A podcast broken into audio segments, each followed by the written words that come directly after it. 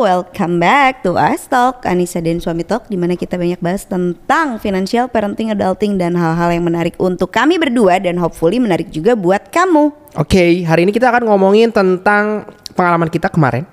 Jadi ini adalah uh, podcast yang impulsif karena kemarin kita baru ke psikolog anak. Hmm. Lalu tadi pagi aku buka DM Instagram aku dan ada followers aku gitu yang bilang, "Kak, ceritain dong kalau ke psikolog itu kalau ke psikolog anak itu ngapain? Ceritanya di Spotify aja." Wow. Langsung nih kita nyalain mic. Oke, Detik ini juga. kita akan bahas ini 30 menit ke depan tentang apa aja yang kita lakuin ke psikolog sebelum pergi tuh ngapain dulu se- sama sebenarnya kita kenapa sih perlu pergi ke sana. Oke. Ini dari pandangan kita ya mungkin tiap orang akan punya pandangan beda-beda, kebutuhan tiap orang berbeda tentu saja Uh, dan inilah uh, kalau kita sendiri sih ngerasa perlu pergi ke psikolog. Kalau kamu ingat kapan kita awal ketemu sama psikolog anak? Ya, ini juga awalnya ini akan menjadi sangat menentukan kenapa kita seperti bergantung sama si psikolog anak ini. Karena pertemuan pertama kita sama psikolog anak itu semacam dipaksa gitu ya. Kayak dulu di daycare Silo tiap tiga bulan, tiga bulan tuh ada psikolog anak. Enam bulan deh kayaknya. Enam bulan tuh dokter gigi deh kayaknya. Oke. Ya pokoknya tiga bulan lah, anggaplah tiga bulan. Seingat aku sih tiga bulan ya. Karena berbeda dengan jadwalnya dokter gigi. Hmm. Tiap tiga bulan akan ada psikolog anak datang ke daycare after office hour. Jadi after daycare hour. Hmm. Lalu kita akan ngantri bergantian konsul sama si psikolog anaknya. Ya benar. Kita kan nggak ngerti apa-apa dong. Kayak anak kita umurnya tiga bulan, coy. Apa yang akan kita bahas di sana gitu ya? Perkembangan mental perkembangannya tuh atau tumbuh kembang apa gitu, ya. sih kita juga nggak tahu itu kan mana anak pertama dan ini kita ngomongin tahun 2014 di mana mental health belum seperti sekarang tapi psikolognya itu namanya Mbak Dianda ya kalau nggak salah lupa lagi maaf ya Mbak udah lama nggak ketemu eh tuh nge-guide kita jadi Bu kalau anak umur 6 bulan itu milestone-nya tuh begini begini begini. Harus sudah bisa begini begini begini. Do's and don'ts-nya tuh apa gitu ya secara tugas-tugas perkembangan. Terus kita kayak oh menarik ya. Kan waktu pertama kali kita ke psikolog kan kita juga nggak nanya apa-apa bahkan kita tidak mempersiapkan pertanyaan dong. Ya kan? Tapi satu hal yang waktu itu kita notice adalah kita berdua tahu bahwa kita mau ketemu nih sama Psikolog. psikolognya. Jadi kamu akan meluangkan waktu, aku akan meluangkan waktu, kita berdua lah yang akan bertemu sama psikolog. Kenapa ini aku mention di awal? Karena itu psikolog gratis, kita gak usah bayar lagi. Sebenarnya bayar, udah included Include, dengan uh-uh. bayar yang kita daycare ya. Event event udah begitu aja banyak yang nggak Gak mau datang. nggak datang Dari ba- banyak anak, belasan kali anak waktu ya. Hmm, ya 10 lah kayaknya Sepuluh lebih lah ya. Itu yang datang paling cuma dua ya, dua orang Tiga tua. orang Tiga gitu. orang, yang lainnya tuh datang tapi nggak ngobrol sama psikolognya. nggak kayak- usah lah gitu Itu kayak jemput doang udah baik pergi gitu. Kalau aku tuh kayak penasaran dong kalau kita kita uh, sore ini akan ketemu sama psikolog. Aku akan uh, ngerjain semua kerjaan aku selesaiin. Make sure aku nggak akan uh, kayak kerja Lembur. lembur gitu dan aku akan pergi cepat dan aku izin sama bos aku akan pergi pulang cepat. Bukan Karena pulang cepat sih, pulang, ya, pulang tepat, tepat waktu. sih ya, pulang tepat waktu karena tapi memang itu tuh emang kamu lembur terus sih Mm. Dan ini ya eh, itu sebenarnya bagian dari open minded sih menurut aku. Ketika ada hal yang kita tidak tahu, kita tuh cari tahu gitu loh, bukan malah kabur. Ya kan? Kita ngelihat ada orang tua orang tua yang nggak ngapain, nggak tahu juga mau ngapain. Iya kalau nggak tahu cari tahu gitu. mungkin ada dua menurut aku emang nggak mau nyari tahu satu lagi denial gitu kayak enggak anak takut gua ketahuan, baik-baik aja. tak- takut malah jadi itu tahu. aku aneh loh kalau orang yang takut ketahuan ah takut ketahuan aku anak aku ada apa-apanya ya bagus dong kalau ketahuan apa-apanya kamu tahu apa yang harus dikoreksi Eh, kamu Apa juga jadi bisa diubah. diubah introspeksi diri kamu apa yang memang ternyata kurang ternyata eh, misalnya perubahan sikap anak kamu tuh bukan dari anak kamu tapi dari orang tuanya gitu misalnya itu kan kamu bisa introspeksi diri dan sebenarnya tadi eh, kita ke psikolog tuh bukan karena kita jadi ketergantungan tapi kita tahu manfaatnya gitu jadi kita eh, ngerasa bahwa untung banget ketemu psikolog tuh. Ada banyak hal yang memang kita nggak tahu kayak di, di belakang tirai gitu. Terus sama psikolognya, aku bukain ya tirainya. Terus kita kan kita jadi kayak Oh, Iya. jadi make sense ya. Ternyata gini. Oh, umur tiga bulan tuh ternyata anak harus bisa ngebalik gitu. misalnya gitu. Oh, nggak boleh tuh dibantu sama orang tuanya. Oh, kita jadi nggak boleh bantu biar anak berusaha. Kayak gitu kan jadi lebih tahu gitu. Ya, dan ada hal-hal yang kita asumsikan kita paling paham sebagai orang Oh tua. iya bener. Tapi ternyata pas di breakdown pakai ilmunya ya, ternyata kan gini deh. Anak kamu tuh nggak spesial itu yang pertama. Anak kamu adalah satu dari miliaran anak di seluruh dunia yang sudah jadi dewasa juga. Sehingga udah ada historikalnya nih anak-anak tuh bakal ngapain gitu ya. Hmm. Eh, bakalan sama-sama aja anak bayi bakal ngapain di umur sekian dia bakal ngapain di umur sekian dia akan bisa ngapain gitu Eh, kita tuh gak sespesial itu gitu. Kita hanya bagian dari manusia-manusia yang sudah hidup dari ribuan tahun yang lalu sehingga sudah bisa diteliti apa yang akan terjadi ke depannya gitu ya. Sudah bisa diprediksi gitu. Nah itu sebabnya mereka ada ilmunya nih untuk membesarkan anak ini. Sementara kita nih cuman gara-gara hamil 9 bulan doang nih ibu-ibu ya. Terus ngerasa paling tahu tuh menurut aku tuh kayak gak make sense Karena aku nyusuin anak aku. Aku ketemu sama anak aku sebagai bapak aku. intuisi Ah, gitu. iya, bener. enggak enggak gitu. Kadang memang eh, kita tuh cuma intuisi aja. Tapi kalau misalnya gini nih, kamu punya intuisi, terus di- diketemuin tuh dengan ilmu, itu intuisi kamu akan jadi lebih baik loh gitu. Ah, kamu akan nanti menemukan cara terbaiknya seperti apa. Intuisi kamu benar, tapi kamu nggak tahu caranya gimana. Tah, sekarang ada manual booknya, dalam tanda kutip manual booknya, intuisinya ada, ketemu tuh, kan jadi lebih baik hasilnya. Dan gitu. sebenarnya kalau ternyata si psikolog yang nggak cocok sama yang kita inginkan ya nggak usah diturutin. Tapi kita tahu di background keilmuannya itu seperti apa. Kalau dari sudut pandang keilmuannya seperti apa gitu. Nah eh, pada saat kita di guide setiap tiga bulan, kita tuh jadi menyadari bahwa eh kita nggak tahu apa apa ya gitu. Oh ternyata ilmu parenting ini tuh banyak banget ya gitu. Sementara kalau ibu-ibu zaman sekarang kan jangan dengerin ilmu parenting dari sana sini ibu-ibu percaya diri aja. Si percaya diri banget tuh. Lu percaya diri emang punya pengalaman apa gitu ya. Dan lebih lucu lagi kalau neneknya yang ngomong, "Mama udah pengalaman ngebesarin anak." Coy, emang pengalaman kamu menjadikan anakmu seperti apa? Ibu gitu. aku pengalamannya ngasih makan aku pisang di umur aku dua bulan, dua minggu kalau nggak salah. Iya. Itu pengalaman ibu aku, ten nggak bener gitu kan? Sebenarnya itu pengalaman dia, oke mungkin zaman sekarang, zaman dulu karena dia nggak tahu apa-apa. Tapi kalau misalnya secara keilmuan, oh ternyata belum siap ya si si lambungnya tuh gitu. Kan Dan itu masalahnya itu 30 tahun yang lalu, coy. Perkembangan tuh pesat banget ya. Gak usah jauh-jauh lah silo empati sama sekarang anak zaman sekarang empati aja tuh udah beda banget gitu. 9 tahun yang lalu, Silo tuh kalau empati, eh empati lagi, empati tuh nggak boleh gula garam inget nggak? Kita bener-bener nggak pakai garam at all gitu. Sempat kita uh, sama daycare juga uh, apa ya kayak adu adu argumen lah ya karena kenapa dikasih garam gitu. Waktu itu, tapi sekarang kan boleh anak pakai garam. Ada juga sih dokter yang tetap gak boleh. Ah, tetep nggak boleh, Iya. ada. Cuman kayak so much different gitu. Kalau dulu yang paling sampai sekarang aneh itu adalah si bubur gasol. Kayak anak cuma dikasih gasol doang, which itu adalah tepung beras, gak ada proteinnya, gak ada gak ada isinya gitu tapi katanya harus dikasih itu tak nah itu kan itu juga udah berubah apalagi 30 tahun yang lalu gitu pengalaman kamu eh pengalaman ibu kamu itu tuh belum tentu valid gitu, belum tentu terbuktikan secara keilmuan zaman sekarang. Nah, begitupun dengan kita, apalagi kita gak punya pengalaman sama sekali. Jadi ke psikolog itu ngapain? Balik lagi eh, pada akhirnya setiap tiga bulan kita di guide sama psikolog itu melewati tantrum dengan smooth jadinya gitu ya. Banget, banget itu. kita nggak ada tuh cerita anaknya tantrum kita tantrum balik. Nggak ada karena ketika kita mau tantrum balik nih tiga bulan ketemu lagi nih sama si psikolog. Diingetin lagi iya bu ini kan lagi ini tugas perkembangannya demikian demikian maksudnya demikian demikian kalau terjadi seperti ini harus ngapain? Kok jadi kita kayak kita assure lagi gitu kita kayak ah kita tenang lagi berarti kita masih on track gitu Karena kita yang datang berdua pun, jadi kalau misalnya aku yang lepas gitu diingetin sama kamu kan, Ah-ah. sayang inget anak kita lagi uh, teenager. Iya. Ingat. Kamu harus yang lebih waras dong, gitu Atau- kan? Atau kalau kamu lagi, eh, tapi kan sayang tapi kan, oh iya kita saling ngingetin Iya. gitu. Nah kalau bayangin kalau misalnya kalian berdua tuh nggak ada yang ngingetin atau misalnya kalian berdua nggak tahu apa-apa. Hmm. Terus kalau misalnya nggak datang ke psikolog, terus siapa dong yang tahu gitu?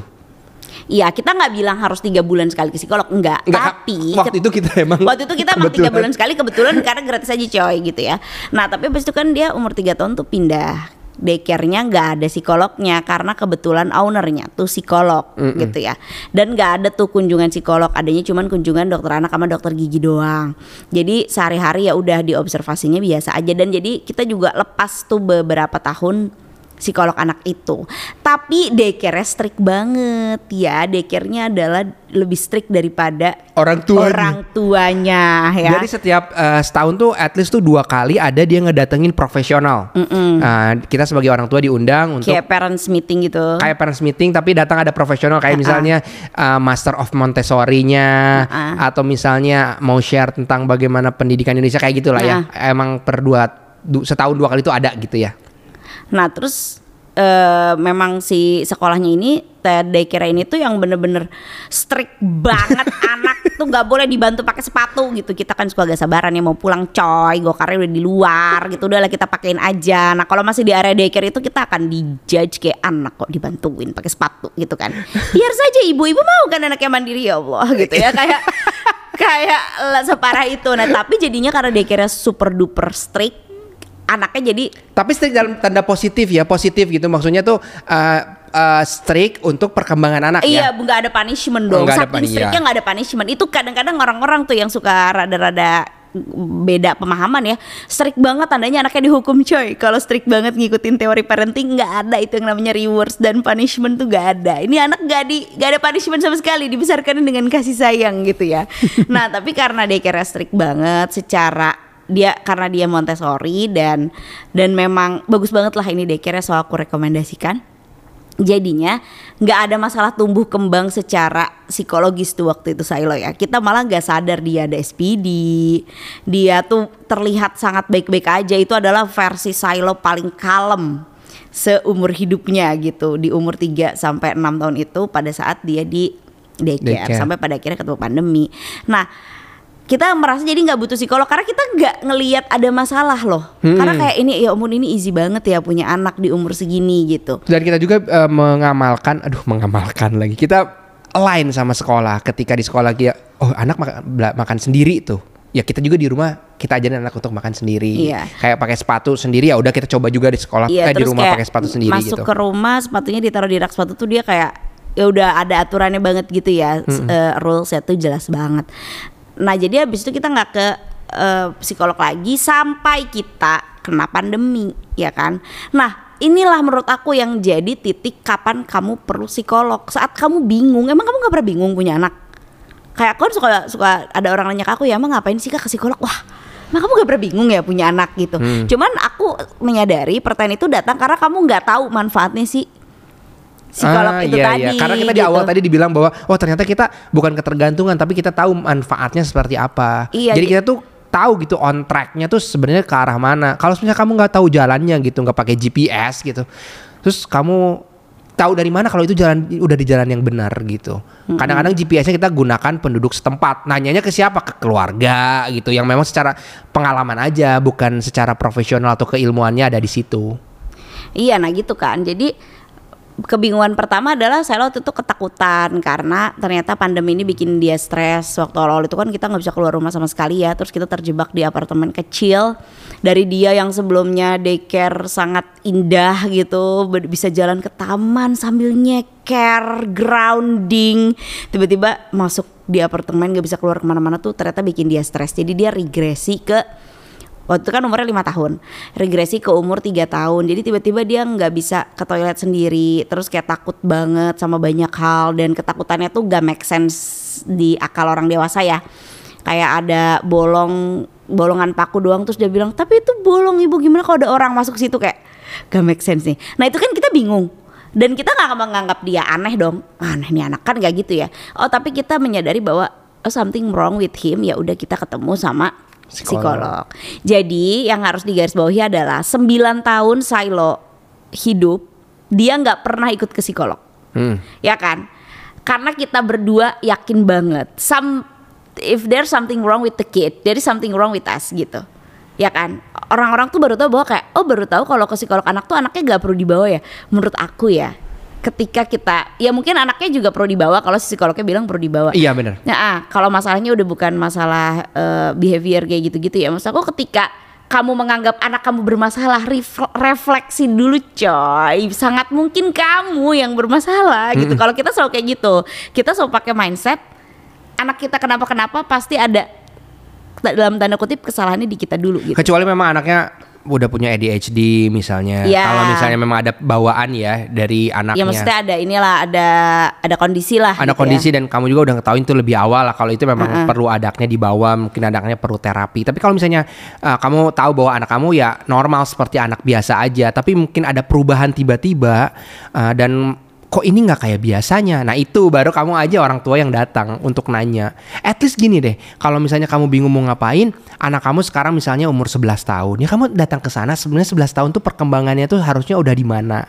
Terus kamu checklist tuh oh harusnya di umur 11 tahun misalnya dia harus udah bisa A oh dia kok belum bisa? Gitu. Nah apa tuh yang bisa dikejar? Minimal kamu tahu sih apa goals anak di per- perkembangan anak itu di tahun-tahun uh, berjalannya dia gitu Iya, jadi tadi kan aku bilang ada masalah dulu nih yang bikin kita trigger pertama kali ke psikolog lagi kan.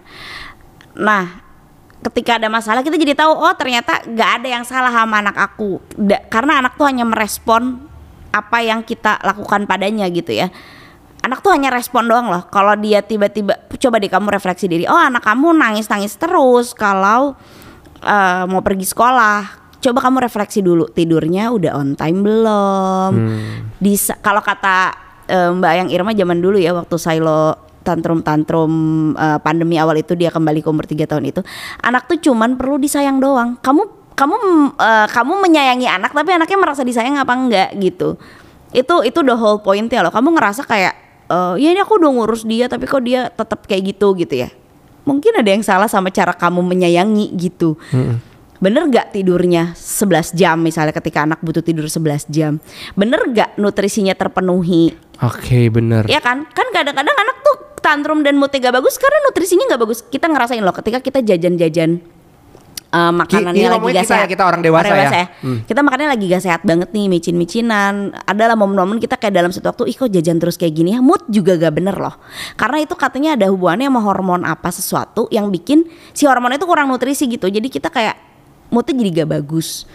Itu kan respon ya Anak tuh cuman respon apa yang kita lakukan sama dia gitu. Atau misalnya eh anak takut banget pergi ke sekolah karena kamu suka ngancem. Oh kalau kamu nggak mau sekolah ya udah nanti mama tinggal mama tinggal. Dia jadi ada separation anxiety. Dengan orang takut tuanya. ah, dengan orang tuanya. Jadi dia nggak mau lagi pergi sekolah gitu. Most likely aku yakin sih sepengalaman kita 9 tahun punya anak ya 95% yang terjadi sama Silo itu pasti dari kitanya yang ada sesuatu gitu kan. Mungkin kitanya tiba-tiba berubah atau uh, biar ada rutin yang berbeda Ah, ah, rutin yang berbeda. Biasanya dia tidur jam 8 misalnya terus Geser tidur ke jam 10 atau 9, 9 ah, itu pasti kan berubah ya. Dia pagi-paginya juga akan lebih ngantuk makan terlambat eh, bangun terlambat terus makan terlambat sekolah terlambat nah nanti kan itu panjang tuh sehari itu akan menyer- eh, nyerempet ke mana yang lain-lain merembet gitu ke sehariannya dia. Atau misalnya kitanya lagi sibuk ada tuh momen-momen kita berduanya tuh sibuk banget dia juga biar cepet kita kasih YouTube aja. Seminggu dikasih YouTube seminggu kita sibuk berubah dia moodnya jadi berantakan jadi gampang marah jadi nggak mau ngerjain PR misalnya gitu kalau suka ada PR nah itu juga kan apa yang kita lakukan berdampak pada si anak. Nah habis itu ya udah intinya eh, kita ke psikolog saat ada masalah itu bisa. Tapi ketika tidak ada masalah, kita juga tetap found ourselves tetap datang ke psikolog gitu. Terakhir kita datang tuh waktu Silo umur 8. Eh, seka- kemarin kita datang lagi saat Silo umur baru masuk 9. Sembilan. Yang ditanyain apa? Sebenarnya datangnya tuh dari kejadian sehari-hari juga. Kayak misalnya tadi nih kamu cerita, iya tuh ada eh, anak ada anak eh, ngomongnya kasar di grup WhatsApp gitu. Kalau itu kita, kita pasti datang ke psikolog sih. Wah ternyata selalu nggak punya WhatsApp, eh, nggak punya handphone dan apalagi WhatsApp grup gitu ya. Tapi kalau misalnya anakku punya WhatsApp grup dan aku ngegapin dia ngomong kasar sama temennya, atau ada temennya ngomong kasar, pasti kita akan tanya sih ke psikolog kayak, what should we do ya gitu. Mm-mm. Kalau kamu memang nggak tahu bagaimana cara untuk uh, ngomong sama anaknya ya. Ya mungkin kamu tahu cara ngomong sama anak tuh dari hati ke hati kah. Tapi kayak emang harus langsung ngomong kah? Tapi kalau misalnya kamu datang ke psikolog, psikolog akan lebih kayak eh, ngasih best practice, Uh-uh. tapi dia dikasih juga sama background keilmuannya seperti apa. Iya. Ibu umur segini tuh anak tuh yang perlu diperhatikan adalah perasaannya misalnya. Iya, misalnya Karena gitu. perasaannya lagi berubah-berubahnya, mungkin dia lagi uh, Apalagi anak perempuan mungkin mau menjelang puber. Betul, akan mulai head gitu. Jadi ngomongnya tuh bukan tentang eh, tentang masalahnya dulu, tapi ngomongin perasaannya. Perasaannya di, di area sisi ini dulu loh, bu, yang bisa kita bahas gitu. Tapi kita nggak langsung bahas masalahnya kan kayak gitu. Kita nggak tahu kalau misalnya memang kita nggak punya ilmunya. Tahun lalu tuh kita ke psikolog triggernya pas BB 8 tahun itu adalah teman-temannya ngomongin crush terus ya. Dan kita kayak eh kita nggak tahu nih kalau anak kecil umur 8 9 tahun ternyata udah ngomongin crush. Is it normal? Ya udah kita tanya ke psikolog gitu Pas tanya ke psikolog, oh iya kalau anak perempuan memang udah mulai tuh di umur kelas kelas 3 SD ke kelas 4 SD itu mereka udah mulai suka sama cowok. I have crush on you gitu kayak aku suka si A si B. Terus kalau anak cowok yang ngomonginnya ya anak kayak anak kita yang kayak nggak peduli sih. Yang dia peduli adalah Ronaldo tendangannya keras atau enggak gitu. Lebih baik Ronaldo apa Messi kan masih di daerah situ. Tapi nanti karena katanya anak cowok akan mulai seperti itu suka nanti SMP. Nah dari situ juga kita kan jadi ada gambaran oh kita nggak perlu khawatir nih sama anak kita karena anak kita dan belum- gak perlu khawatir juga sama teman-teman ya berarti teman-temannya normal-normal Oh, aja. iya, bener, kayak Bukan yang gitu. jadi kayak, iya anak zaman sekarang mah eh, pubernya kecepetan enggak coy, emang kayak gitu, emang udah umurnya gitu. Lah aku aja dulu suka-sukaan sama teman sekelas emang kelas 3, kelas 4 gitu kok gitu. Tetap di usia yang sama. Si pu- pubertinya tetap di usia yang sama, cuman kalau mensnya banyak yang jadi lebih cepat itu iya. Dan harusnya tidak menjadi lebih cepat sehingga harusnya ditunda gitu kan. Iya. Tapi kalau pubertinya, pre-pubertinya tetap di usia yang sama sih kalau ngelihat diri aku sendiri ya. Dan ngelihat anak-anak sekarang enggak kok nggak jadi lebih cepat anak zaman sekarang main sih pada cepet-cepet banget coy itu omongan udah muncul dari pas aku SD juga Ibu aku juga bilang itu dulu anak zaman sekarang anak zaman mana? Ini nggak jadi anak kelas eh, umur 6 tahun mens kok enggak gitu. Ada tetap ada itu dia kalau dari sisi medis ada si tugas tumbuh kembangnya tuh emang di usia sekian gitu nggak jadi berubah juga. Itu jadi pas di umur 8 tahun nanya oh ya normalnya gimana? Bla bla bla. Nah ini di umur 9 tahun ternyata ada tricky ya anak umur 9 itu kita baru tahu kalau Montessori way Montessori apa istilahnya ya Montessori something itu di umur 9 itu anak itu ada rebirth namanya karena memang per tiga tahun kan Montessori itu Ya, kan betul. satu tiga tiga enam enam sembilan sehingga sembilan itu dia adalah memasuki dunia yang baru gitu. Nah ternyata di dunia yang baru ini ih si bebe so much different ya. Kok dia tiba-tiba bukan anak kecil lagi A lot gitu. of different kayak, kayak berubahnya tuh kayak kok udah gede gitu. Mik- Aku mikirnya Cara tuh ngomongnya juga kayak Kak aku tuh kayak sotoy banget gitu. Ih apa sih kemarin kamu tuh nggak gini loh gitu. Itu kan ada kebingungan di situ. Terus dia sempat ada konflik sama teman sekelasnya. Udah diberesin tapi aku merasa apakah yang aku lakukan itu benar gitu. Bukannya tidak percaya diri, aku mah percaya diri banget ya kan. Cuman uh, akan jadi tervalidasi ketika si psikolognya bilang benar ternyata gitu. Oh, pas ketemu benar. Benar, gitu kan Jadi- cuman kayak oh iya nih berarti kita Oh iya, on benar. track. Berarti kalau terjadi lagi maka tinggal melakukan hal yang sama gitu.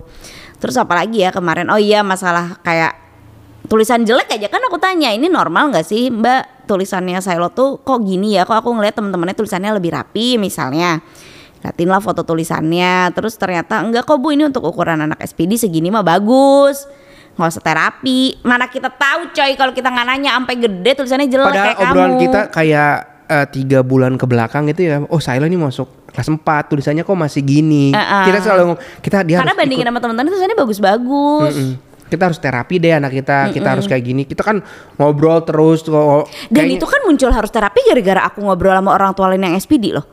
Hmm. Jadi kan aku terapis aku anak SPD. Terus dia bilang gini, ya udah terapi aja membaik kok tulisannya kalau uh, udah terapi gitu. Handwritingnya tuh jauh lebih membaik. Yang aku lupakan adalah si Mbak itu anaknya emang SPD dan udah kuliah ya. Tapi eh udah oleh apa masih SMA ya. Pokoknya udah gede.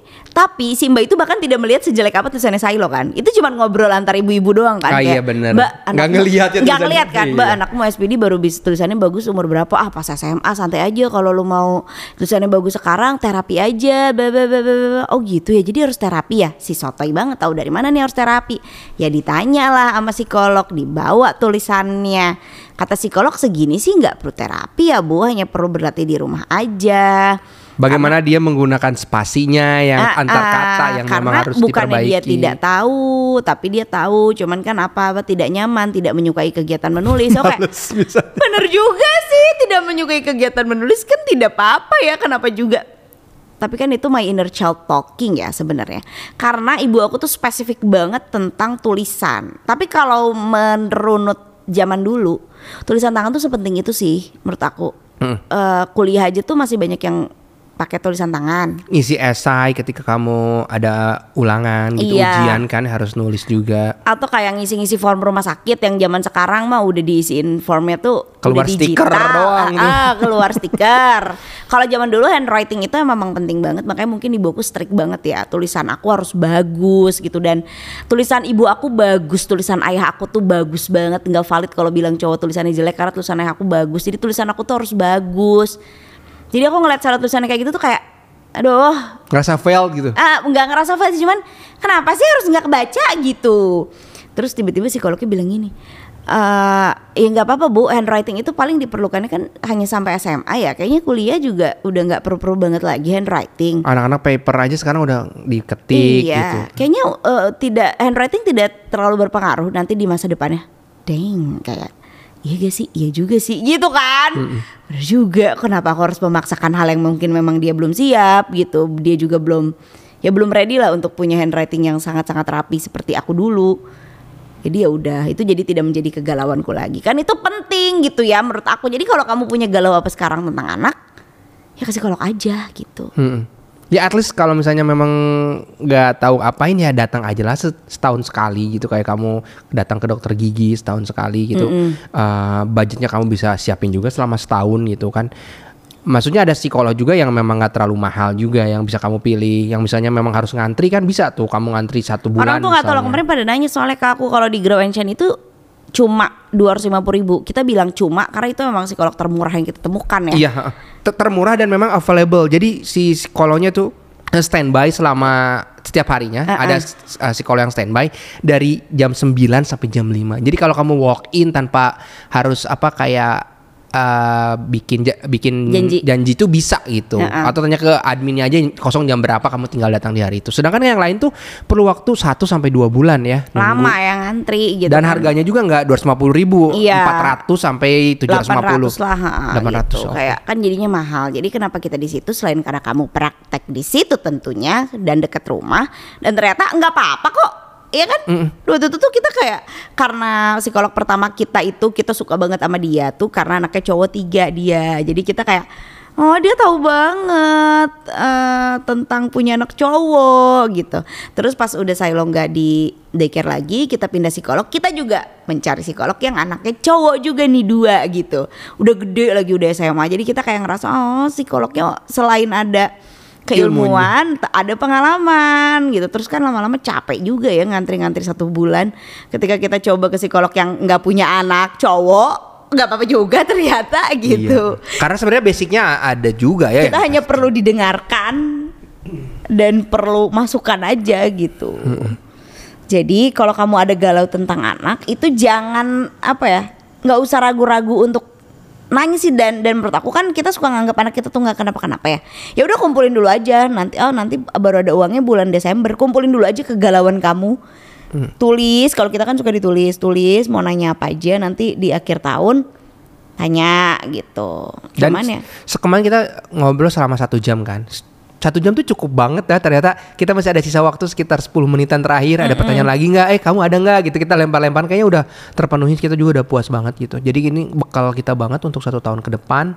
Jadi kayak nggak kosong banget nih. Kita udah bawa backpack. Isinya knowledge yang kita dapat dari eh, psikolog nah itu sih yang eh, bekal kita banget sih tahun ke depan jadi insya Allah lebih kuat lah lebih ngerti gitu bagaimana sih untuk ngejalin silo yang rebirthing ini di umur 9 Kalau untuk pertama kali mungkin nggak apa-apa kali ya anaknya dibawa ya, apalagi kalau anaknya kecil.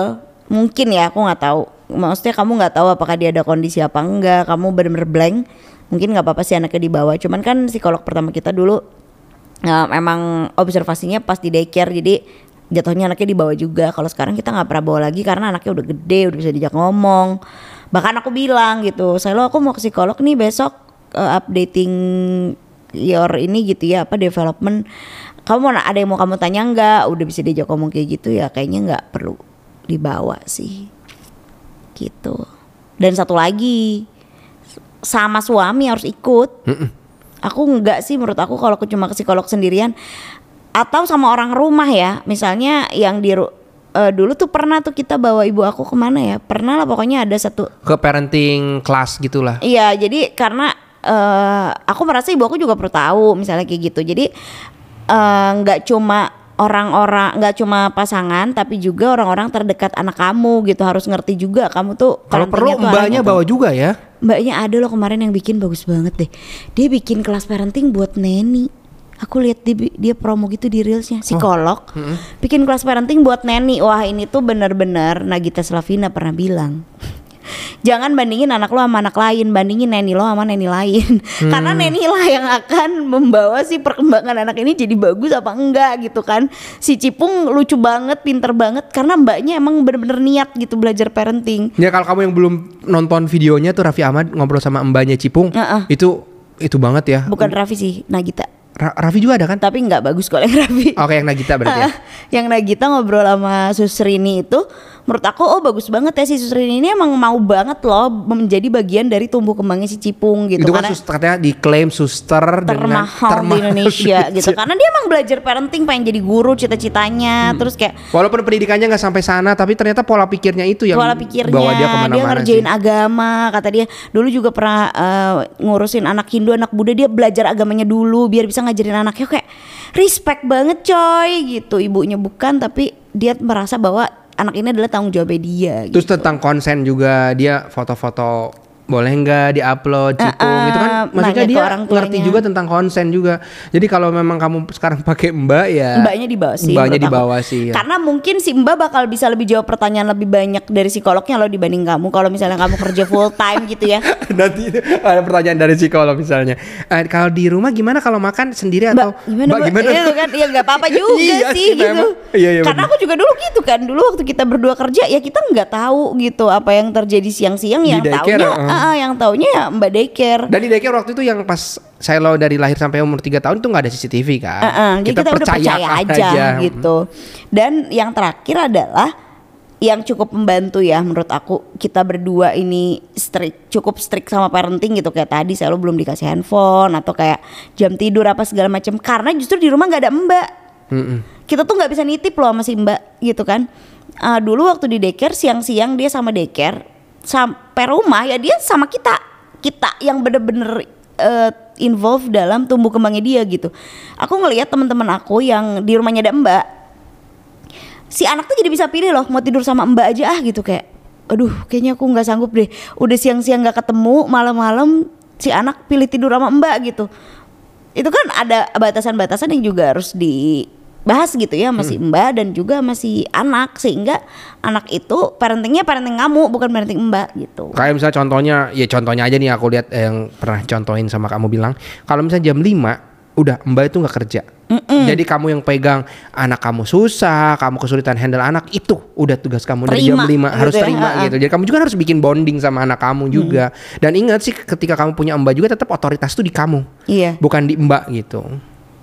Ya itu sih karena ya udah intinya nggak gampang lah punya anak Ya. Dan itu juga yang bikin kita mikir berulang-ulang ya Waduh ini punya anak satu aja PR-nya kok banyak banget ya Dan kebetulan anaknya ada kondisi Kalau mungkin anaknya nggak ada kondisi mungkin easier Cuman karena anaknya ada kondisi aku tuh kayak constantly ditantang gitu kan rasanya Jadi aduh gak dulu deh gitu Kalau sekarang sih kayak dengan gampangnya pengen sih punya anak gitu ya Karena anaknya udah gede. Ya, jangan bercanda itu anak bayi lagi coy yang Kita harus mulai lahir. dari awal lagi. Ya, Nggak kita tiba-tiba punya- umur 5 Kita punya pengalaman lah ya dengan yang udah ada gitu. Tapi kan memang di energinya itu ya. Oh, energinya nggak ada sih, bukan masalah uang gitu ya. Waktunya juga sama waktu. Jadi nambah nggak kita? Enggak dong. Oke. Nggak usah makasar. ya udah segitu aja. Aku JG. Aku ST. Bye.